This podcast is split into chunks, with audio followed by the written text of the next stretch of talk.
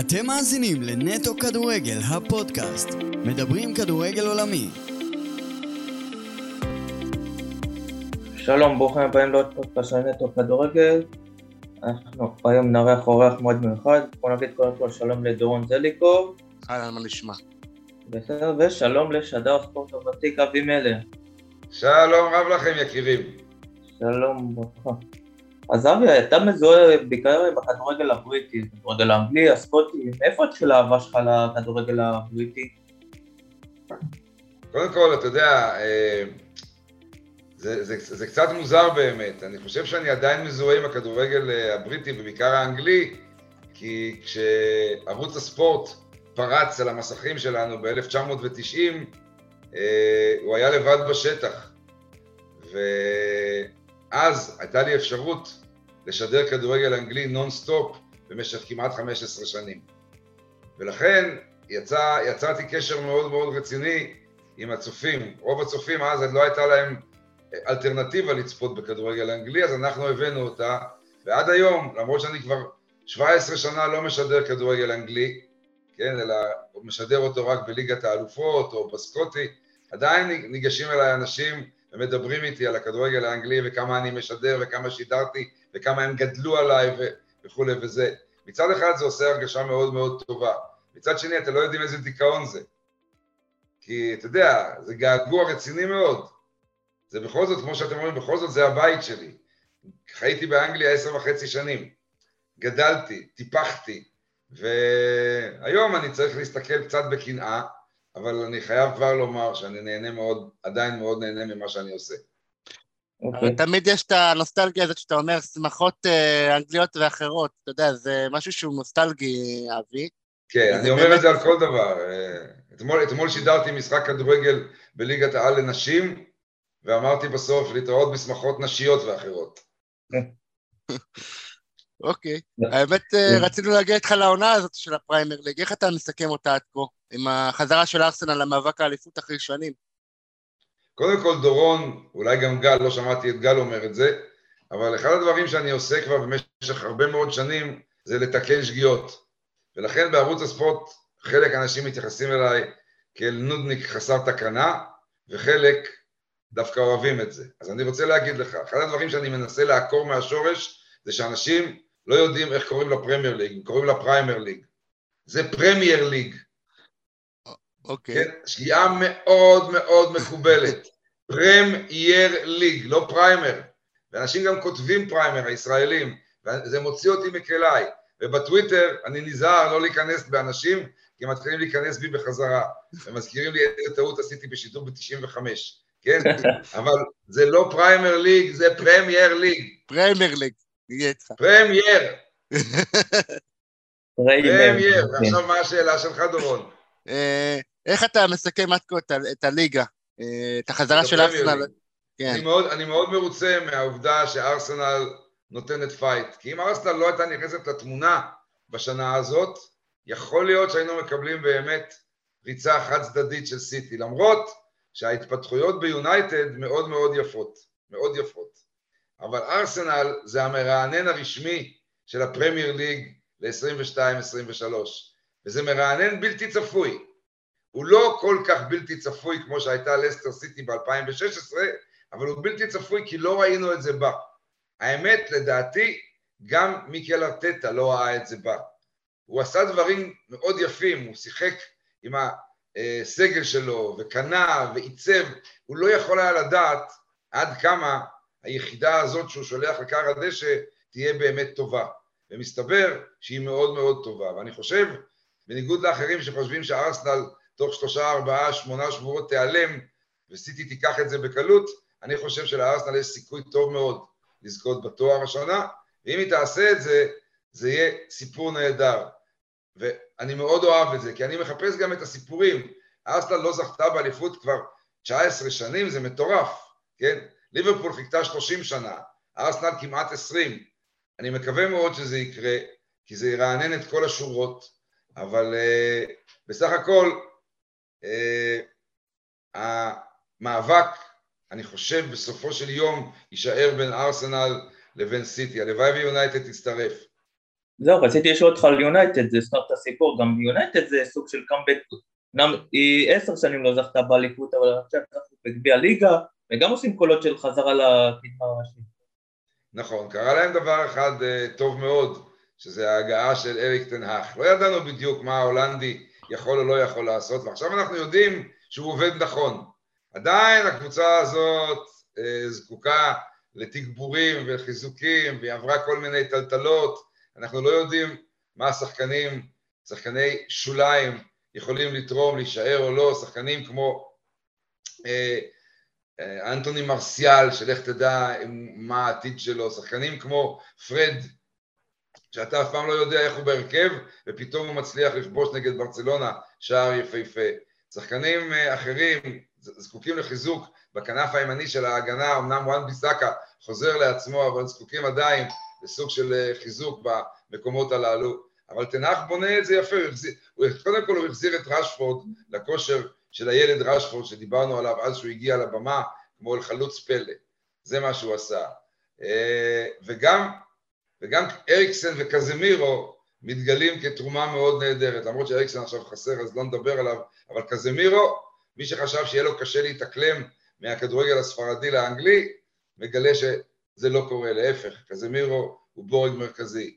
תנח הביא עכשיו את התואר הזה, זה חשוב מאוד מאוד לכך שלא ידברו שיונייטד מסיימת שוב עונה בלי תואר, וזה ייתן לו אפשרות לתנח לעשות גם דברים אחרים, להגיד להם שאני האיש, הם יודעים כבר שהוא האיש, להמשיך את הבנייה.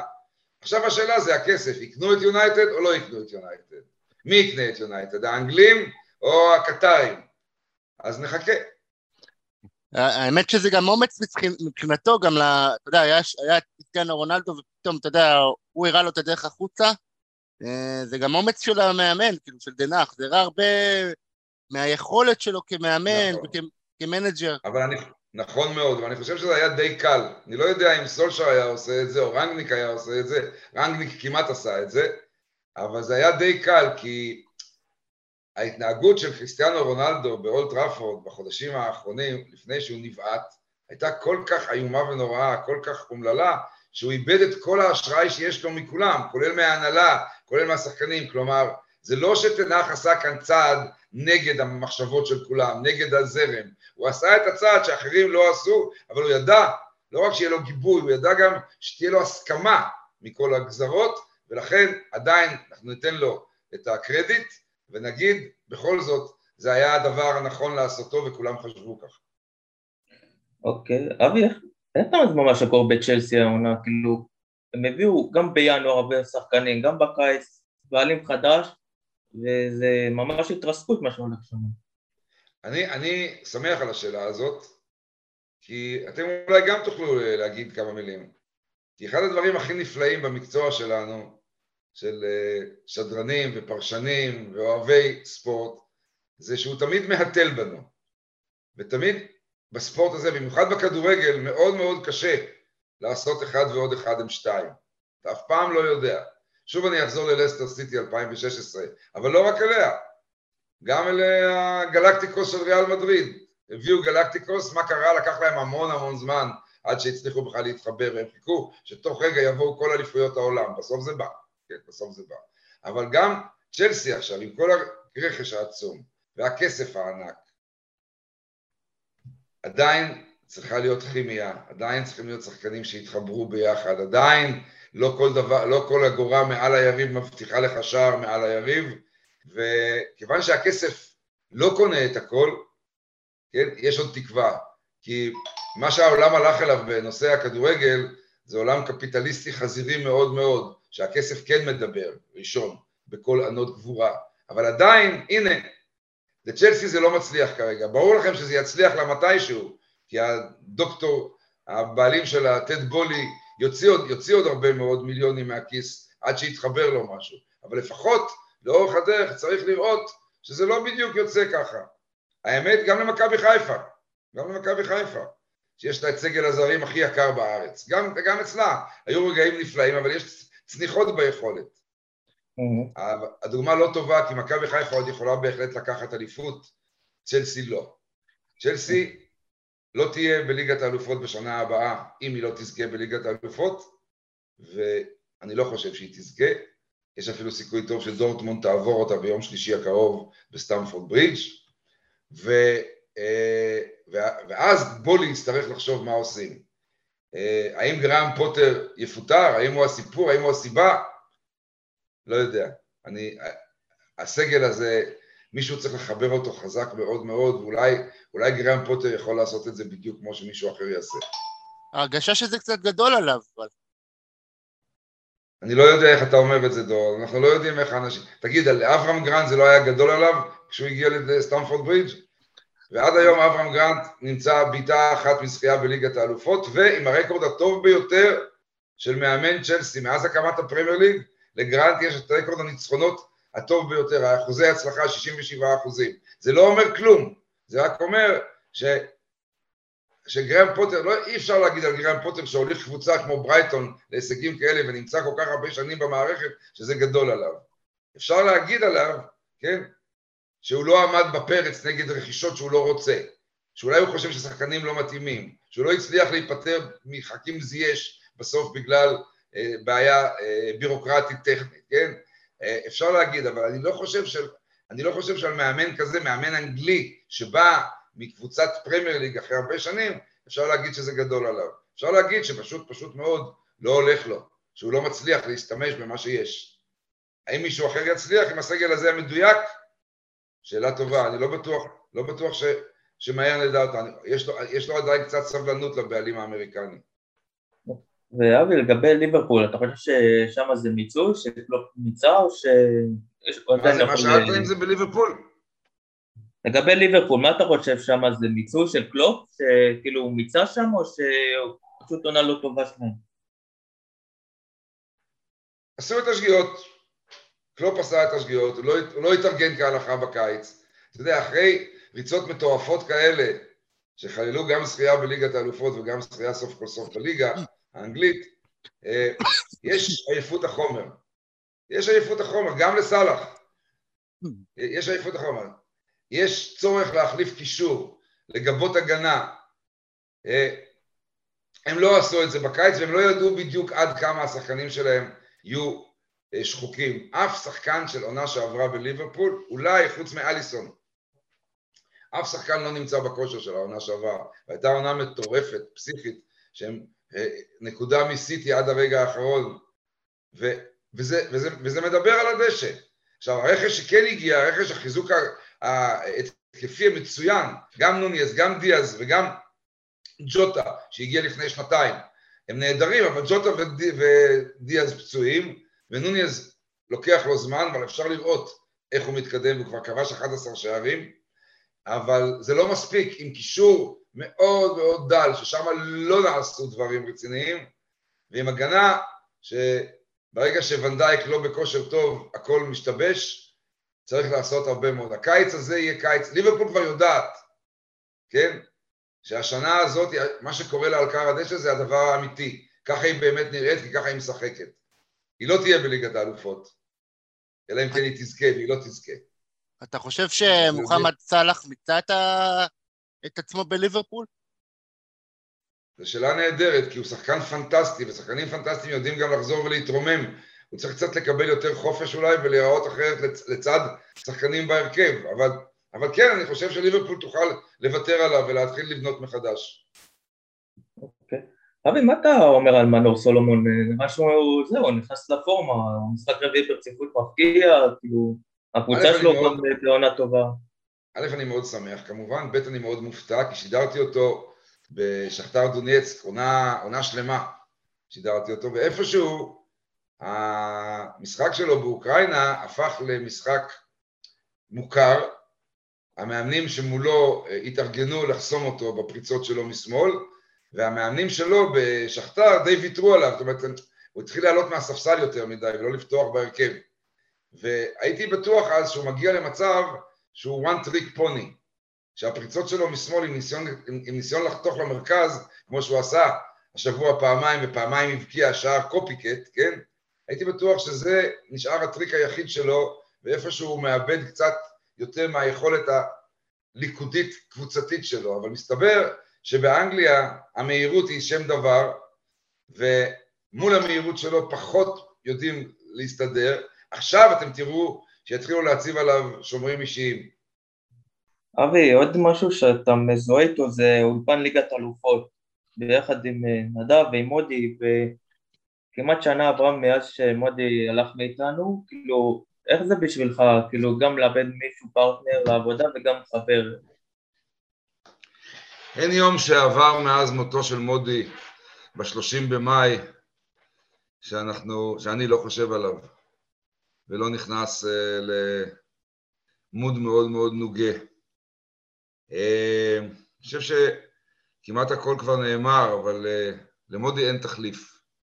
אין תחליף מבחינת מה שהוא עשה באולפן ליגת אלופות ומה שהוא עשה בערוץ הספורט והכיוון שהוא לקח אותנו, וזה גם כללי וגם אישי. כללית, הוא סימן למעשה את הדרך של ערוץ הספורט, את הדרך הטובה, את הדרך הסוגה בשושנים של ערוץ הספורט, של הפיכת אולפן כדורגל או אולפן ספורט למשהו הרבה יותר מזה, למשהו הרבה יותר תרבותי, למשהו הרבה יותר דינמי, מעניין, מצחיק, הכנסה של הומור והיסטוריה וכל הדברים האלה. קולנוע, תיאטרון, ספרות. מעבר לזה, הוא ליווה אותי לאורך הדרך. אני, אה, אני חושב שממודי, באולפן האלופות, קיבלתי את הכי הרבה טיפים והכי הרבה תמיכה. וקיבלתי למעשה אישור לדברים שעשיתי, שאנשי ערוץ הספורט בהתחלה לא השתגעו יותר מדי עם התרבות ועם משחקי מילים ועם אה, סטלבטים והומור והכל, אבל מודי דחף את זה קדימה. והוא עצמו הפיץ את התורה שלו בגאוניות ואפשר לאחרים סביבו אה, להצטרף לקרנבל. אה, זה לא אומר שהוא לא היה ביקורתי כשצריך. אם אמרתי משהו שהוא חושב שהיה, שהיה מוגזם, אז הוא היה אומר לי, אחרי השידור, כן? אבל אה, הוא היה באמת באמת הלפיד בראש המחנה, והוא היה, לדעתי הוא היה דמות הטלוויזיה מספר אחת בארץ, היה איש אשכולות, עם ידע עצום, עם גישה נהדרת, עם uh, הופעת במה כבירה וסינכרוניזציה מטורפת בין המוח לפה, בין הראש ללשון, ו... ואני לא מכיר הרבה אנשים בטלוויזיה הישראלית, באומנות הישראלית, שהם כל כך רב גוניים וכל כך חכמים וכל כך אה, גאונים. למעשה הוא היה עילוי, אבל היה עילוי שמתחבר עם הקהל, שיורד אל הקהל, שלא בוחל בשום דבר אה, שמתאים גם לאחרון האוהדים, ו... ואני מתגעגע אליו מאוד מאוד. חלק מהאולפן שלכם שבניתם זה היה להקות וכאלה, לא חשבתם אולי אה, אחרי, כאילו, בכל זאת שמודי נפטר אולי, להחזיר את הדברים של הלהקות והדברים שהוא אהב, יוכל להסתכל על זה מהשמיים ולהגיד, אה, ממשיכים את הדרך שלי. כן, יכול להיות שזה עוד יחזור, אני לא מעורב בהחלטות של הנהלת ערוץ הספורט. אני יודע שנושא הלהקות הוא נושא מאוד מאוד רגיש, כי היום בזירה הישראלית של הלהקות והתרבות מדובר בהרבה מאוד כסף, אתה מבין? אחת הסיבות שהלהקות, אחת הסיבות שהלהקות הפסיקו להופיע אה, בערוץ הספורט הייתה סיבה כלכלית, שהשוק הזה היום הרבה הרבה יותר יקר. כן, זה לא שמישהו בא ועושה לך טובות, כן? אבל uh, אני לא יודע, אני ממש לא יודע, לא, אנחנו לא מעורבים בהחלטות הללו, ואני מאוד מאוד אשמח אם uh, יעשו מחווה למודי, זכרו לברכה, ויביאו לילה של להקות, נגיד שלוש להקות עם שיר כל אחת, ואז מתוך זה תצמח חזרה של הפטנט הזה. אוקיי. יותר קצת אה, לגעת בך, כאילו, סליחה, רוצה לגעת בך קצת באופן אישי, כאילו מתי התחלת את הדרך שלך כעיתונאי, כאילו אתה, גם את התקופה שלך כעיתונאי, גם את התקופה שלך כשדר, סליחה, איך, איך הרגשת שאתה רוצה להיות שדר, כאילו מאיפה זה בא פתאום? היה לי חיידק מאוד מאוד אה, רציני מגיל מאוד צעיר. הייתי, גדלתי בחיפה ולמדתי בבית ספר הריאלי, והיה לי חיידק כתיבה מאוד מאוד חזק ומאוד מאוד, אה, מגיל מאוד מאוד צעיר, ובכיתה י"א התקבלתי למעריב לנוער, הייתי כתב נוער במעריב לנוער. והדבר הגדול הראשון שעשיתי במעריב לנוער היה בכיתה י"ב, לקראת סוף כיתה י"ב, ארגנתי בבית הספר הריאלי בחיפה, במגרש של בית בירם, את משחק כדורגל הנשים הראשון בישראל. נשות י"ב נגד נשות י"א.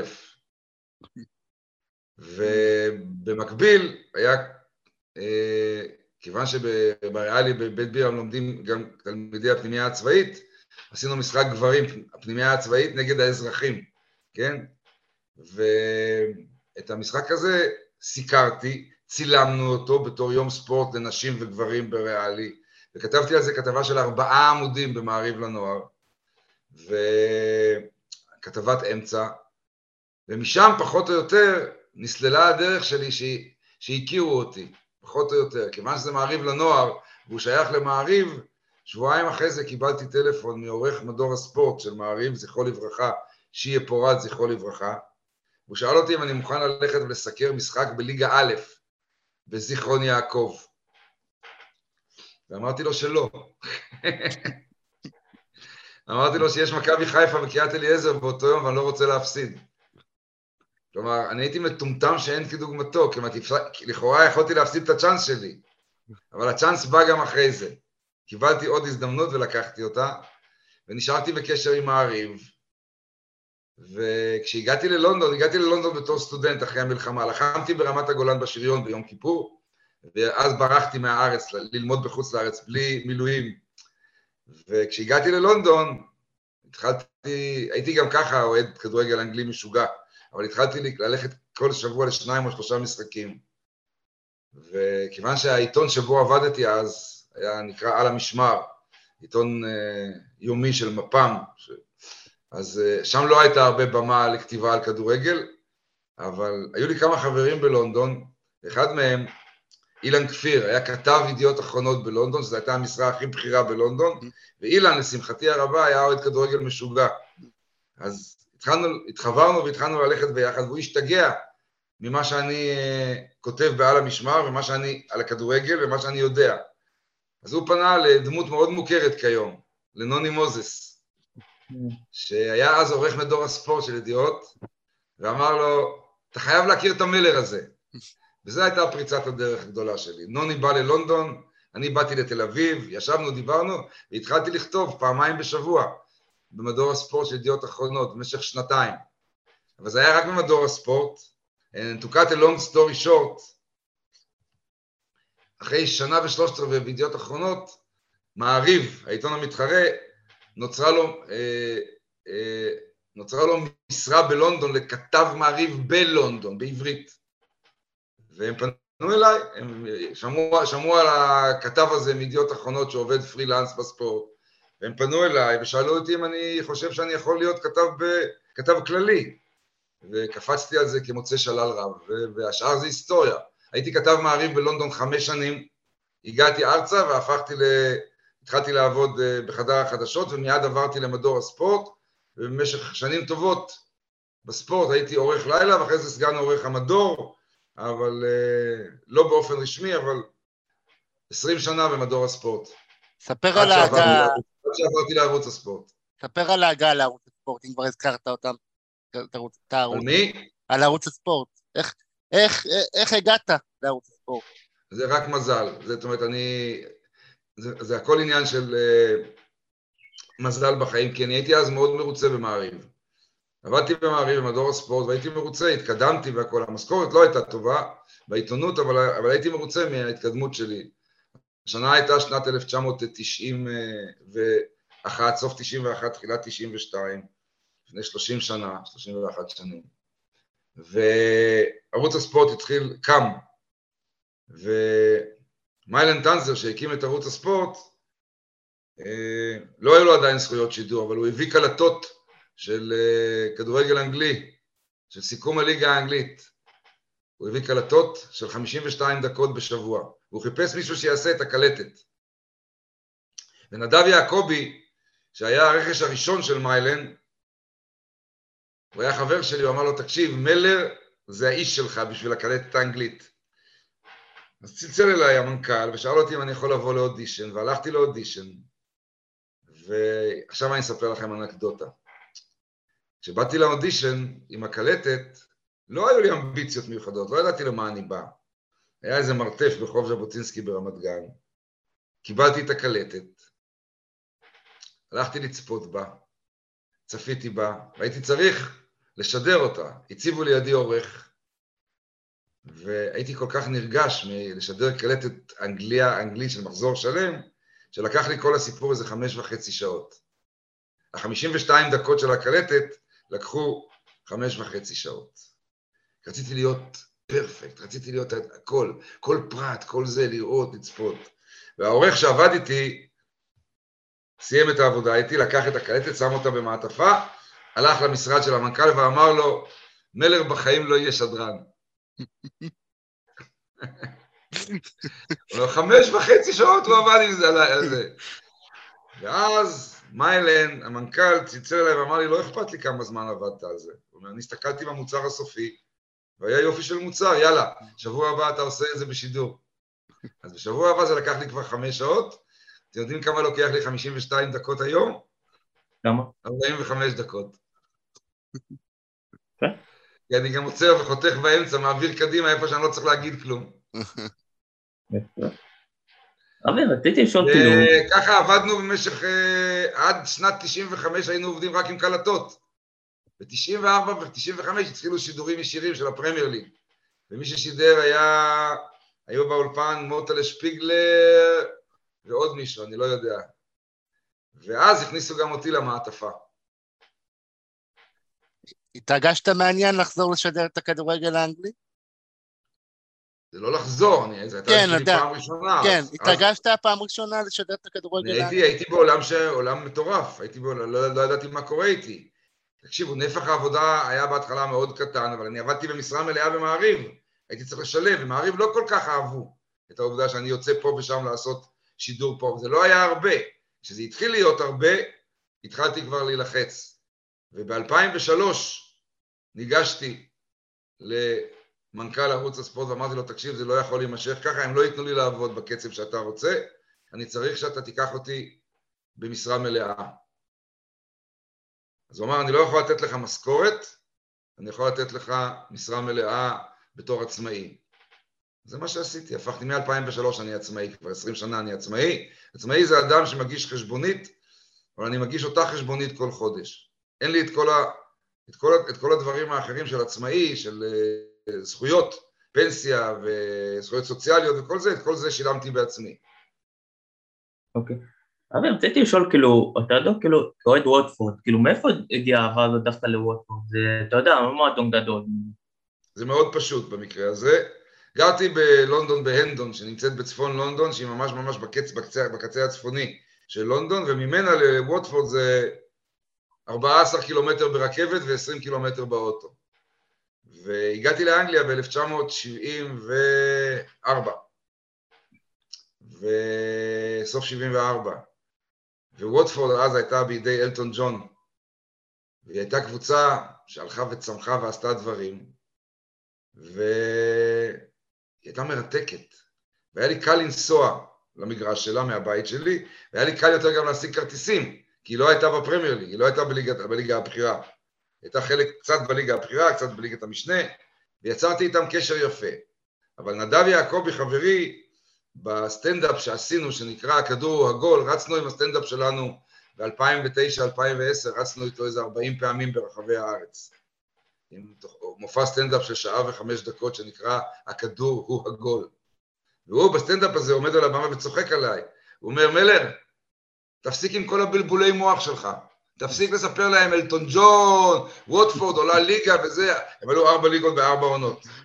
מליגה רביעית לזה. הוא אומר, תספר להם את האמת. אתה אוהד ווטפורד? כי הם היו היחידים שנתנו לך כרטיס עיתונאי קבוע ליציע שלהם. קומבינות, הוא אומר, הכל קומבינות. אז אני אומר ככה, שאלה איפה התרנגול ואיפה הביצה, מה קיבלתי קודם, את הכרטיס והפכתי לאוהד? לא.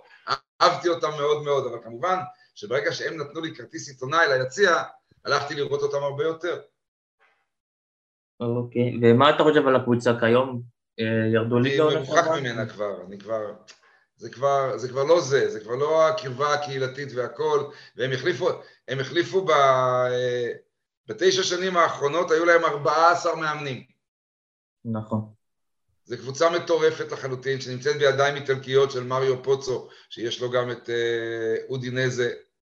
ניהול כושל, אבל אה, שוב, יש לי סימפתיה אליהם, אני לא, בחמש שנים האחרונות הייתי, הייתי מכיר כל דבר עליהם, הייתי קורא כל, בחמש שנים האחרונות אני עושה דברים אחרים שאני רוצה להתקדם בהם וללמוד ולקרוא וזה, ואני את ווטפורד, אני את ווטפורד מסתכל עליהם מרחוק, קורא על המשחקים, על הכובשים, על הזה, לא, לא, אם, תשאל, אם תיקח, אותי, תיקח אותי עכשיו לרשימת השחקנים ותבקש שאני אעשה לך פרופיל של שחקן כלשהו, לא, אני כבר לא שם. אוקיי. אוקיי, רציתי קצת לגעת איתך גם בנושא התקשורת של היום לעומת אה, איך שאתה התחלת. מה אתה חושב נגיד על התקשורת של היום לעומת מה פעם? אתה רואה, לא יודע, כאילו, איך אתה רואה את זה? שאלה, זו שאלה גל, זו שאלה להרצאה שלמה, ואני עושה הרצאות כאלה. אני, אני מרצה ברחבי הארץ על uh, תקשורת הספורט הישראלית והתקשורת הישראלית.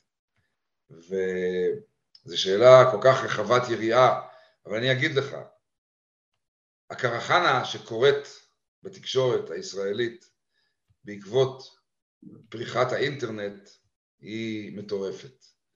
מה שעשה את כל השינוי הגדול זה האינטרנט. ברור שגם התקשורת הרגילה הוסיפה לו, כי נוצרו ערוצים ונוצרו בימות אה, רבות, במות רבות לשיח ושיג. אבל האינטרנט למעשה הוא הכתיב את הקצב, ובמיוחד, במיוחד האינטרנט של ערוץ וואן.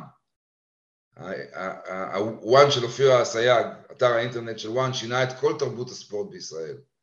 כי וואן היה אתר אינטרנט שלא בחל באמצעים כדי להגיע אל כל הקוראים שלו בכל דרך אפשרית ובעיקר בדרך רכילותית, עם פחות פחות דגש על אמינות ועל חדשות והרבה הרבה יותר דגש על פסטיבלים, קרנבלים, צהוב, רכילויות, קשרים, אינטרסים. ובנושא הרכילויות והצהוב מילא עוד, נו, אז הקהל רוצה לצרוך את זה שיהיה בריא, אבל בנושא של אמינות והבאת אה, דברים אל, ה, אל, ה, אל, אל הכתב ואל המסך ואל האתר שהם אה, מפוקפקים ושהם תוצר של דיסאינפורמציה של סוכנים ושחקנים ואנשים והורים וכל זה, הגענו למקום מאוד מאוד נמוך. אבל זה לא משהו חדש לגמרי. סוכנים תמיד היו בתמונה, כתבים תמיד היו אה, זקוקים למקורות שילעיטו אותם בכל מיני דברים, וחלק היה מס שפתיים שהם היו חייבים לשלם. כן, אבל uh, מן העבר השני, יש גם צד אחר למתרס, וזה שהתקשורת היום, אמנם, אמנם הכמות של התקשורת ספורט בישראל היא הגדולה ביותר בתבל יחסית לגודל המדינה ולאוכלוסייה, אבל יש לזה, זה מוליך להרבה מאוד דברים לא uh, הכי בריאים, מצד שני, זה נותן גם הזדמנויות נהדרות להתפתחויות נהדרות. היום הכיסוי הטלוויזיוני פה והתחקירים, הלא תחקירים, תחקירים לא עושים מספיק, אבל הכיסוי הטלוויזיוני, האפשרויות לראות דברים, האפשרויות לקרוא, הניתוחים הטקטיים, המדורים האחרים, הכיוונים שיש בהם טיפה יותר אה, הרחבה ממה שהיה קודם על ספורטים יותר אזוטריים, אה, כמותית אנחנו במקום הראשון בעולם. איכותית, אה, זה לא הכל רע, כלומר אפשר להצביע על הדברים, על הפגמים שדיברתי עליהם, אבל גם מבחינת האיכות נעשתה פה התקדמות, הגיעו אנשים הרבה הרבה יותר טובים למקצוע, יש היום הרבה מאוד חוגי אה, תקשורת, כן, יש היום סדנאות וחוגי תקשורת שאני בחלק, אני, בחלקם אני מלמד, כן, ששולחים אנשים הרבה יותר אה, מוכנים ומקצועיים אל, אתרי התקשורת, אל, אל הרדיו, אל הטלוויזיה, אל העיתונות, לאינטרנט. כלומר, יש גם אה, בהחלט נקודות אור. אה, כן. עדיין, עדיין אנחנו תקשורת, כן? עדיין, עדיין התקשורת ספורט הישראלית היא התקשורת ספורט הכי הכי פחות אה, רצינית שיש, שאני מכיר בעולם המערבי. איך אתה רואה אוקיי. אבל את ההתפתחות של, התק... של ה... אתה יודע, של התקשורת, בסוף אתה יודע, אנחנו פה פודקאסט אה, שלנו, ויש פה התפתחות של קהל, שגם הקהל פותח אה, תקשורת בשלו. איך אתה רואה את זה, אבי? אני חושב שהפריצה של הפודקאסטים היא מהפכה ממש, כן? אני, לי זה יוצר, לי הפודקאסטים יוצרים תחושה של פומו. אתם יודעים מה זה פומו, נכון? כן. fear of missing out. אתה, אני כל הזמן חושב שאני מפסיד. כמה, כמה אני יכול כבר להקשיב לפודקאסטים? לכמה אפשר להקשיב? כן, רוב האנשים מקשיבים לפודקאסטים באוטו, בבית כבר קשה, אבל יש היום כמויות של פודקאסטים מכל העולם ואשתו בנושאים שאתה רוצה להתקדם בהם. אם אני מחפש פודקאסט ב, לא בעברית על ליגת האלופות, אם אני אחפש בעברית אני אמצא שניים שלושה, אם אני אחפש לא בעברית אני אמצא שבעים שמונים, כן? כמה אתה יכול לשמוע ולראות אחרי כל מחזור, לפני כל מחזור וכולי. זה, זה התפוצצות אוכלוסין פנטסטית של הפודקאסט, זה נותן הרבה מאוד אפשרויות, איפשהו זה גם מתסכל. אוקיי, טוב. אבל מעבר לזה, אבל מעבר לזה, תקשורת הספורט היום העולמית חובקת את כל האפשרויות שיש. כן. אז טוב, בנימה הזאת נסיים. ישראל, ובישראל רואים היום ישראל במקום הראשון בתבל בחשיפה לתקשורת ספורט. אנחנו, כאילו, לכאורה אנחנו, לכאורה אנחנו גרים, חיים בגן עדן. מצד שני, זה לא, זה, התחרות לפעמים פרועה מדי וגורמת להמון המון בעיות, וגם ל, ל, לרמה נמוכה יותר ומכנה משותף נמוך יותר, וכולם חוטאים בזה, אבל uh, עדיין הפלוסים רבים. אוקיי, אז טוב, אבי, היה לנו מאוד מרתק לשמוע אותך, הקמת אותנו בהרבה מאוד דברים. תודה רבה שהתארחת אצלנו, היה לנו מאוד כיף. תודה רבה לכם ותמשיכו להצליח. תודה רבה. שניפגש בצמתים שמחים של פודקאסטים ואחרים. הלוואי, תודה רבה אבי, היה לנו מאוד... תודה ביי.